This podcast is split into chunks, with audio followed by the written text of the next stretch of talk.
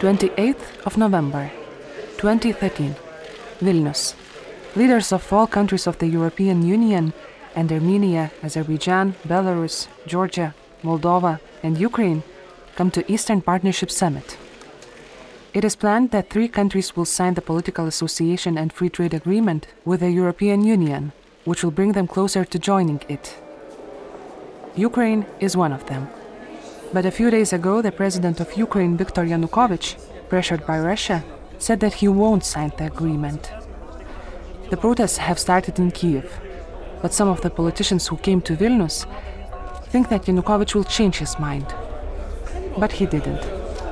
Lithuanian President Dalia Grybauskaitė, the host of the summit, said, I think that uh, today's uh, Ukrainian leadership choosing the way which is going nowhere.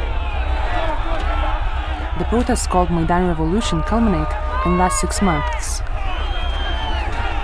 They take the Ukrainian government down.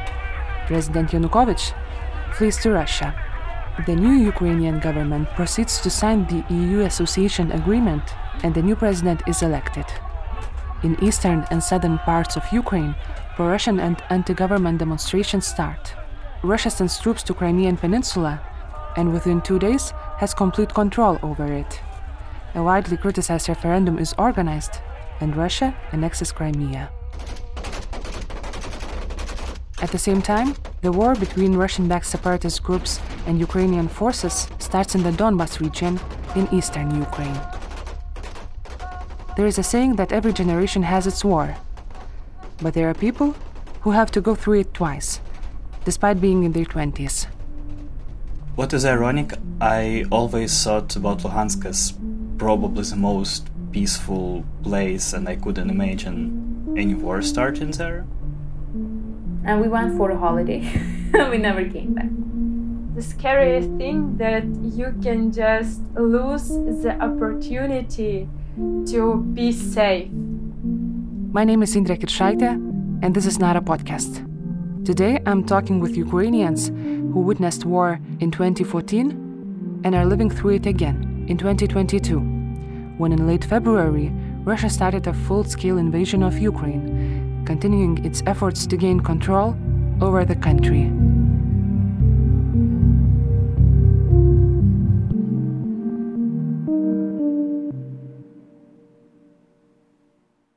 I'm a student.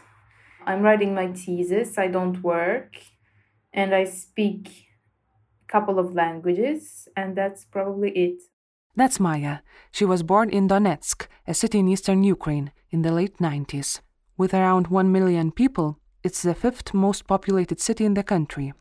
Donetsk was an important center of heavy industry and coal mines. Ten years ago, it was recognized as the best place for business in Ukraine. I think I never felt the influence of industry and factories, you know, like no problem with health or anything like this you would expect from such a city. It it was a really developed city. I mean, one of the like most famous things about our city was its football arena. You know, Euro in Europe, you, they have football Euro. Uh, something I don't remember how it's called. Championship, yeah. Championship, yeah. Yeah, so it was held in Donetsk, in one of the cities of Ukraine, when it was held in Ukraine. I mean, it was a very, you know, like city with a lot of prospects, with a big perspective. And my childhood was like, okay. I mean, I was going to school, I was having friends, I was going to the drums lessons. I mean, it was amazing. I don't really think I felt not secure there. I, I think I felt pretty secure because my family had a I mean, it had a steady income, you know, and uh, my school was a, a good one. I was studying English from the very first grade. I don't want to pry, but like it was a was one of the best cities in Ukraine. It it was as good as uh, the capital, I would say. Really, I mean, I have never felt that I was living in a city that would deprive me of some development. You know, like I saw my future there. Like I never thought I'd move from that city because it was a good perspective. You know, so yeah, my childhood was pretty amazing. I don't know, really. There is nothing else to say about it. It was awesome. It was awesome. Above Donetsk, there is Luhansk. Kirilo was born and raised there. I work in the sphere of research and sociology and just trying to live a regular life, meeting with friends, playing guitar, riding bike, and so on. Luhansk has a half smaller population than Donetsk.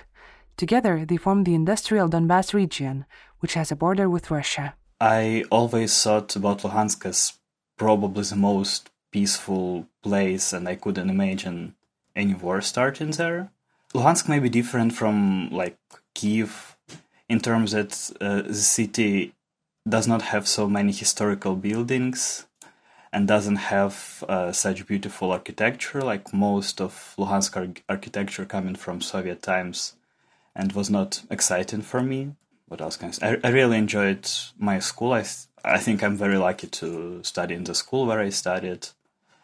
Uh, I was also taking um, part in different Olympiads and intellectual competitions, and that's how I found most of my friends over there. And I think in many ways it was very regular.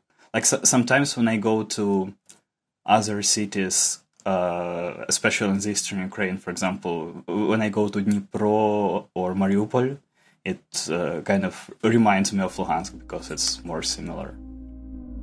Donbass region has a larger ethnic Russian population than other parts of Ukraine. After the Second World War, many Russian workers were brought to Luhansk and Donetsk to rebuild the region and develop it further. Following the Maidan Revolution in the spring of 2014, the self proclaimed Donetsk and Luhansk People's Republics were declared. Armed Russian separatist groups seized government buildings throughout Donbass, leading to armed conflict with Ukrainian forces. Russia deployed its troops. The never ending war has begun. It didn't start as a war, and I didn't honestly believe that it started because I was a, I mean, I was still a child, even though I was 15 years old. I I did not believe it's gonna come to this. Really, it was like a joke to me, like a joke that some adults would make, like my mother or something, would scare me or something. I just remember that my mother told me that you know Maya, um, they're like gathering tanks and the troops like on the TV we saw that the troops are coming to our border, and I was like, you know, you know, this is what the action like. I just scoffed and like you know, didn't have a big effect on me. And then after the war started, like when the tanks started to come, my school was straight away from the city administration building. And city administration building was like blocked by you know tires machine tires and uh, there was some shootings happening. I was like what the hell is happening and uh, you know we stopped going to school. At the time, Maya was living with her mother, brother, and grandparents. and they told that like you know something is happening here so let's just go away because it doesn't seem quite like safe. Let's just go away. We have um, relatives uh, in the like in the city called dnipro. And it's just like a little bit west of donetsk a little bit east of kiev and we went there and i remember this part they told like it's gonna be just for two weeks. We're gonna be back in two weeks. It's just like think of it as a holiday or some kind of things because you know you have school. You, we cannot we cannot disrupt your routine. And um, yeah. And we went for a holiday. We never came back. Maya was finishing her school. It wasn't easy for her to adapt to the new environment. the most difficult and the worst times were in Dnipro, where when we realized that you know I'll have to I'll have to disrupt my routine. I'll have to find a new school, and this was I uh, remind you this was the last year of school. That means that you have to go to the exams in the end of the school to go to university and the exams are extremely hard you know like it's kind of you know one of the biggest decisions one of the biggest things in your life most important you have to you know get along with your new friends with your new classmates and there was two of us my brother and i you know, and it's the same process for him. They were living in front of the train station. Almost every day we were looking out of the windows on the railway station, and there were young boys who were going to Donetsk, you know, and uh, we were crying every day. That year, her grandmother had a stroke and her grandfather suffered a heart attack. It was when they saw that like tanks are coming and like what are we gonna do? Because of this pressure that news created, that I mean, not news, I mean that the reality created. But uh, I'm just sure that if something like this happens again, it's not gonna be uh, bearable. They're not gonna be able to go through it, I think. After a year in Dnipro, Maya and her family moved to the capital, Kiev. Two or three years after the beginning of the war, I would say we were back to some kind of normal. I don't know. It was not a factor that worsened the situation. We were not thinking about it. We were living our lives. I understand how, how bad it sounds, but uh, I don't know. You're just getting tired. You're just getting tired. Have you visited Donetsk later? No, not even once. Not even once. Do you know what happened with your home? No. I was so curious actually. Like, I mean, at first I was so angry at this situation. I didn't want to have anything in common with the place at all. So for some reason, I was angry at everything. Then my my grandparents took all of this stuff that we owned and they like they brought it so even if i go back here now it would be like uh, an empty house um, it was not destroyed or anything it still stays i mean can you imagine like you're you're a child you're having all of your life in that city in that house you're having all of your i don't know pretty little souvenirs your clothes that reminds you of some time that you had, all of your photos, all of your childhood toys, all of your paintings that you used to paint when you was a child. I mean, I am so angry for not being able to have all of that because some of that was lost. I'm thinking about going just for the sake of seeing what like you know remembering what what what my life was like but i don't want to go because the whole place repels me. I'm disgusted by people who are there. I'm disgusted. I don't understand, for example, if I go, how I'm gonna go through that security post and, you know, like Russian security post. I don't know. I, I'm just afraid that I'm gonna spit, spit in their face and they're gonna kill me, you know. in 2014, when the war just began, Kirilo was an exchange student in the US. But he came back to Luhansk a few months later. I just came back uh, from the exchange program and I was so excited to return back to Ukraine. I, I really missed my friends, uh, my city, my country. So I was trying to have fun, to go and play uh, sports, to play basketball with friends, to invite friends for sleepover. And then around it was just some image of uh, the war coming closer. And i feel like we were kind of neglecting it and trying not to see it. I remember one episode very clearly. We went to play basketball and during the time there was uh, the siren and we just didn't care about it like okay siren what then he spent only 10 days in luhansk he started to hear the shellings every day and decided to leave the city he moved to Kiev, but part of Kirilo's family stayed in Luhansk. So, uh, one part is that all the relatives have their own issues with health and mobility. It's m- much diffi- more difficult for older people to move. That's why my grandparents decided to stay in Lugansk. They just had their own house. Also, my grandfather is disabled, so like moving uh, to two different places more difficult for him. My parents actually moved to Kiev at that time together with me uh, in 2014, but then in a year or year and a half they came back uh, to Lugansk like after the active hot phase of four finished, like living in Kiev was too expensive. Their salary was like still not enough to pay the rent, so they decided to uh, come back home.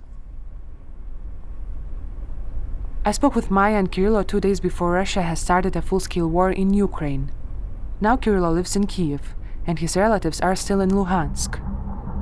Maya lives in Istanbul and worries about her family in Kiev. On the 24th of February, the day when the Russian invasion started, I called them again. So today I actually woke up pretty early. I don't remember, it was around maybe 6 o'clock in the morning because my neighbor woke me up saying that the war has started and there are rocket strikes all over Ukraine. My boyfriend woke me up and said that uh, they were bombing Kiev, and I was like, "What the hell are you talking about? Just go. I'm just gonna back, gonna go back to sleep. Don't mess with me." It was shocking. I didn't expect, even though I thought about it a lot, and I, I think I had this scenario in my head for like many many times and for several mornings I was waking up checking the news whether Russia has attacked or not. And it was shocking, especially in the way that we did not expect this to be so massive. Yeah, morning was was horrible. I was crying all the time. I think that I was rather calmly sad and depressed than panicking. And of course, then I texted my brothers, and he was like yeah i'm like i also woke up from the sound of bombing and uh, from the sound of planes. I don't talk with my grandmother because she cries. Like as soon as she sees someone she starts to cry. My mother and my brother they don't want to go away but i insist actually on them going away but they don't listen to me. They are prepared. They have their backpacks packed. The uh, the media sources are sharing the maps with the shelters and stuff. I myself checked the shelters. We have a couple of uh, shelters near our house. I think we have one in our house directly. My brother told me. So yeah, they're prepared. But my, like my brother told me, like you know, if if we decide to flee, there is nothing to prepare. Like just grab your passport because yeah, if if if it's for life, you I mean, clothes doesn't matter, like stuff doesn't matter. Just grab your passport and go away. For example, if there are messages about more uh, intense danger, I know a couple of places. Like the closer ones are just in the basements of the houses, which are closer but not so safe and comfortable and equipped. The alternative is metro station, which is open, and a lot of people are today were spending their day in metro station because they can use it as shelter. That night, my colleague told me that among those hiding in metro stations across the city, there is his friend Vlada. I called her at midnight to talk about the atmosphere there there is a lot of people with animals, like with cats, uh, like with dogs, you know, and it's really funny.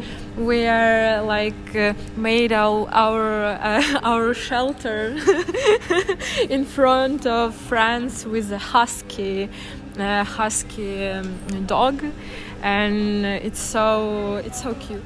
That morning, her neighbor woke her up at 6 a.m and said that she heard an explosion. Something like boo. Yeah, I don't know how to English. Staying home didn't feel safe, so Vlada and her friends decided to head to the station. They took what they needed for the night sleeping bags, clothes, some food. Like all this uh, sport, the most comfortable stuff. Vlada is originally from Kherson, a city neighboring Russian occupied Crimea in the south of Ukraine. At that time, the Ukrainian army had control over it. She has been living in Kiev for seven years, but her mother and sister are still back home. And it's interesting how they live in front of the border, yes? And they just, and it's a common situation. it's not about me it's a, about a lot of my friends whose family living uh, in front of the border they didn't uh, think about it at all yes they didn't think about this this possibility to be invaded by russia. It's annoying their calmness because you want to push them to be more to make them more safe you know? But my parents yeah they have planned what they're gonna do if they hear bombing and so on. They go go to basement near the house and so on. Yes. They have a plan a, a little but plan yes it's not easy to deal with your emotions in a moment like this but vlad understands that she has to gather herself together maybe i'm a bit panicking inside of me, but I don't allow myself to show it uh, like outside, you know. I understand that I really need. Uh, my friend and my family need support and panic is not about support yes but we making fun a lot we making up a lot of jokes about all this shitty situation and it's really supporting i think vlada doesn't know where she's going to sleep tomorrow the only thing she knows for sure is that she's spending this night here. Uh, we're staying there till 7 a.m. and after that we're going to home, I think. But it depends. it's my first crying out loud of the day. yeah, it's okay, yeah. Yeah. I don't know. It depends on this night situation. But we are we stay with each other. We are not afraid of joking about this situation. We're not afraid to to make a joke about uh, our Michelin restaurants when we have bread, cheese, and crab. This I don't know how it is. Crab sticks, uh, like this shitty food, but it's so tasty, and we call it Michelin restaurant in uh, Bunker.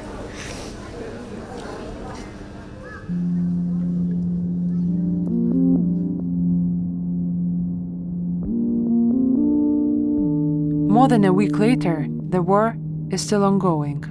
More than a million Ukrainians fled the country. Millions are still hiding in shelters. The Russian army attacks the whole country, targeting civilian buildings too. But Ukrainians stay united and don't give up. Yesterday I called Kirilo, Vlada, and Maya again. Generally speaking, first of all, I'm safe.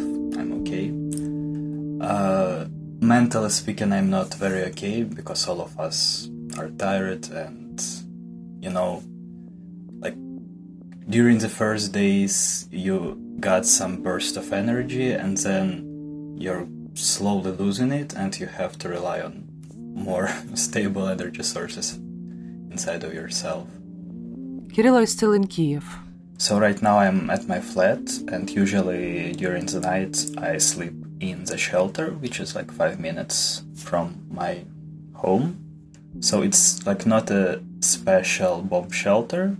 It's just an part of the building which is underground with uh, without windows, but it's quite comfortable in terms that the floor is not completely solid. It used to be uh, um, art school for kids, and like floor is a little bit softer and I really enjoy people in the shelter. Maybe that's why one of one of the reasons why I like being there. I, I also really feel calm when I'm over there. Our home is okay and our district and area is okay, but still, when you sleep at home, you have more disturbed sleep. He spends his nights in the shelter with 10 musicians. And a cat. He has his own everyday routine now. You know, it, it's terrible to say, but like this way of life is becoming routine. When Kirilo comes back from the shelter, he takes a shower. It really helps after because bomb shelter is underground and it's colder. So I feel really great when I'm getting my body warm. Also, it really helps to distract from bad thoughts and just any thoughts. Every other day, he goes to different supermarkets because it's difficult to find everything in one place, especially regular food like milk or crops. Like the first time when I went to the supermarket, I had like very weird feeling that probably it's the best time for uh, hipsters because the only crop available is quinoa and the only fruits available are avocados and the only milk that is available is uh, like coconut milk or almond milk. Be- because people usually you know most of people buy regular more cheap products which they used to. He says that despite being turned into the war zone kiev functions as much as it's possible. It's more empty of course especially the roads. Cars can go around, but still it's better not to do that without special reasons. So most of the cars are either police forces, territorial defense, volunteers, or like logistics of supermarkets are also very empty. Uh, the streets are quite empty, like but with huge lines uh, to the shops and to the pharmacies and I was not uh, going any further than kilometer or two from my house. Just like obviously, it's not a good time to wander around. Oh, r- r- right now there was like quite a loud explosion, but I don't know where is it. And is it usual during the day? Yeah, it's quite usual. His family is still in Luhansk and feels safer than in other places right now in Ukraine. Couple of the days prior to the large invasion, situation was quite disturbing and there were explosions and there were hits, but like not anymore. They're okay, living the way they used to live. Like n- n- nothing really changed for them as of now like of course they're worried and they're worrying about me a lot and about like my other family in other cities but they're okay Vlada decided to escape from Kiev. She and her friend made a last minute decision to head west. In the train station, they pushed their way through the crowd. It was a lot of people, a lot of it was crowded, like crowded. There are a lot of like this uh, fighting with each other. They reached the train going to Lviv, but there was free space in only some of its carriages. Train conductor said to us that we should run, run to the end of the train to manage to get freely in free in this train. And we just were running from the start of train to the end. And it's like 400 meters i think we're running with our packages. And it was i think the most like scary thing that i've been through like these two days. Not bombing not uh, shooting Uh, it, it is the scariest thing that you can just lose the opportunity to be safe but they succeeded they hopped on a train and safely reached lviv a destination for many ukrainians looking for refuge in their own country. Vlada said that now she is staying at her best friend's parents' house in the suburbs of Lviv. I am safe and I I am loved, I think. Yes, because this mom really loved me to, because it's mom of my best friend. Now Vlada is working to spread the message to the world about the Russian invasion. She's helping people in need to find necessary information. We call each other like coach army you know, like sofa army. Every day you just start from the computer and your phone. Everyone is calling you, everyone is texting you, and your chats are like burning because everyone needs help and you want to help for everyone. And sometimes you just you just you know feel this guilty because you are unsafe, but your family are not and several your friends in Kiev or in Kharkiv or in Sumy or in other cities which are like in hell now, you feel guilty that you are unsafe and they are not. Her hometown, Kherson, is the first major city captured by the Russian forces. Barricaded inside of their house in the city center, her mom and younger sister are still there. They put mattresses uh, in front of the window, pillows uh, to just stop uh, this shooting stuff. And they really afraid of going outside their houses. After Russia took control of the city, it's facing a humanitarian crisis. Vlada tells me that the Russian soldiers are promising to open a humanitarian corridor. It would help to get food, medicine, and other essentials to the people in the city. But no one trusts them because we had these phrases in our first war in 2014, and it was like the disaster, it was a lot of people killed. Vlada says that it's hard to watch what's happening in her hometown from afar. It is really exhausting because you're you aren't safe. Yeah. But you don't know what you can do to help your relatives there. Because you cannot help them at all. You cannot even like put them outside of the city because it's really dangerous you cannot help them to go outside and my father he is from israel every every day or every hour just call me and say you should to manage and you should understand how you can uh, how you can put your sister outside the Kherson, how we can get your younger sister to the Polish or Slovakian border. And I said to him, Dad, can you please fuck off? Because I don't know how I can do it. No one knows. No one. Because it's really dangerous. And one opportunity you can you can put your children outside Kherson just by parts because it's dangerous and there's no one chance that she could go outside the city alive People in Lviv are trying to stay together. They are lining up to volunteer and help the refugees from other parts of the country.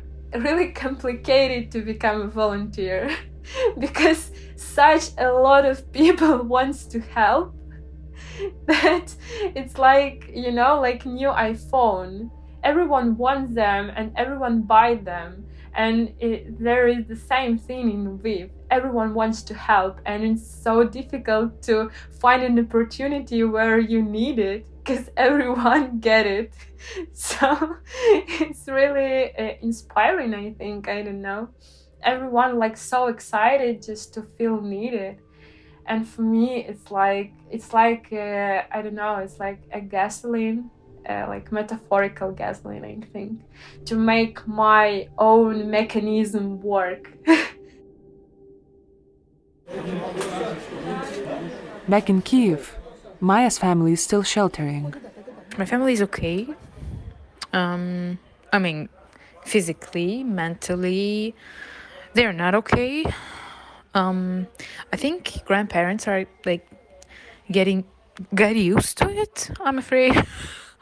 um because yeah i mean they don't have another choice really because if they don't they're gonna be like destroyed their psychologies are gonna be destroyed i'm talking to my brother um the most i think he's very bad because he's um you know he's full of energy and he's full of um, you know forces and uh, um, motivation to do something. He but he cannot because there is territorial defense where you can like be a civilian and you know not go to the military but like defend your own um, district or something. And uh, it's fully full.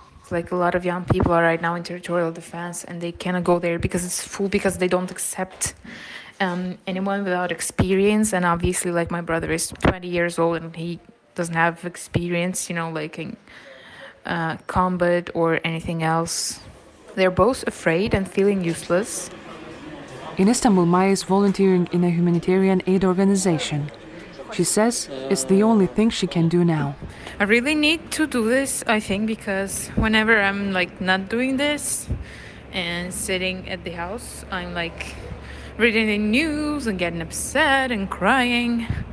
And uh, yeah, so this thing takes my mind off um, some other unpleasant things. In a warehouse, she's loading boxes full of aid to the trucks to Ukraine. We have uh, clothes, we have medicine, and we have uh, what else do we have? I don't remember. We have food, yeah, and it's like literally people are bringing anything they can, basically. Um, yeah, people are bringing underwear, you know, so um, yeah, we have lots of stuff for newborn children, like everything that they can need. We have lots of medicine, you know, not only just pills, but like, you know, uh, syringes and like stuff like that, and uh, basically everything. Yeah, people are amazing.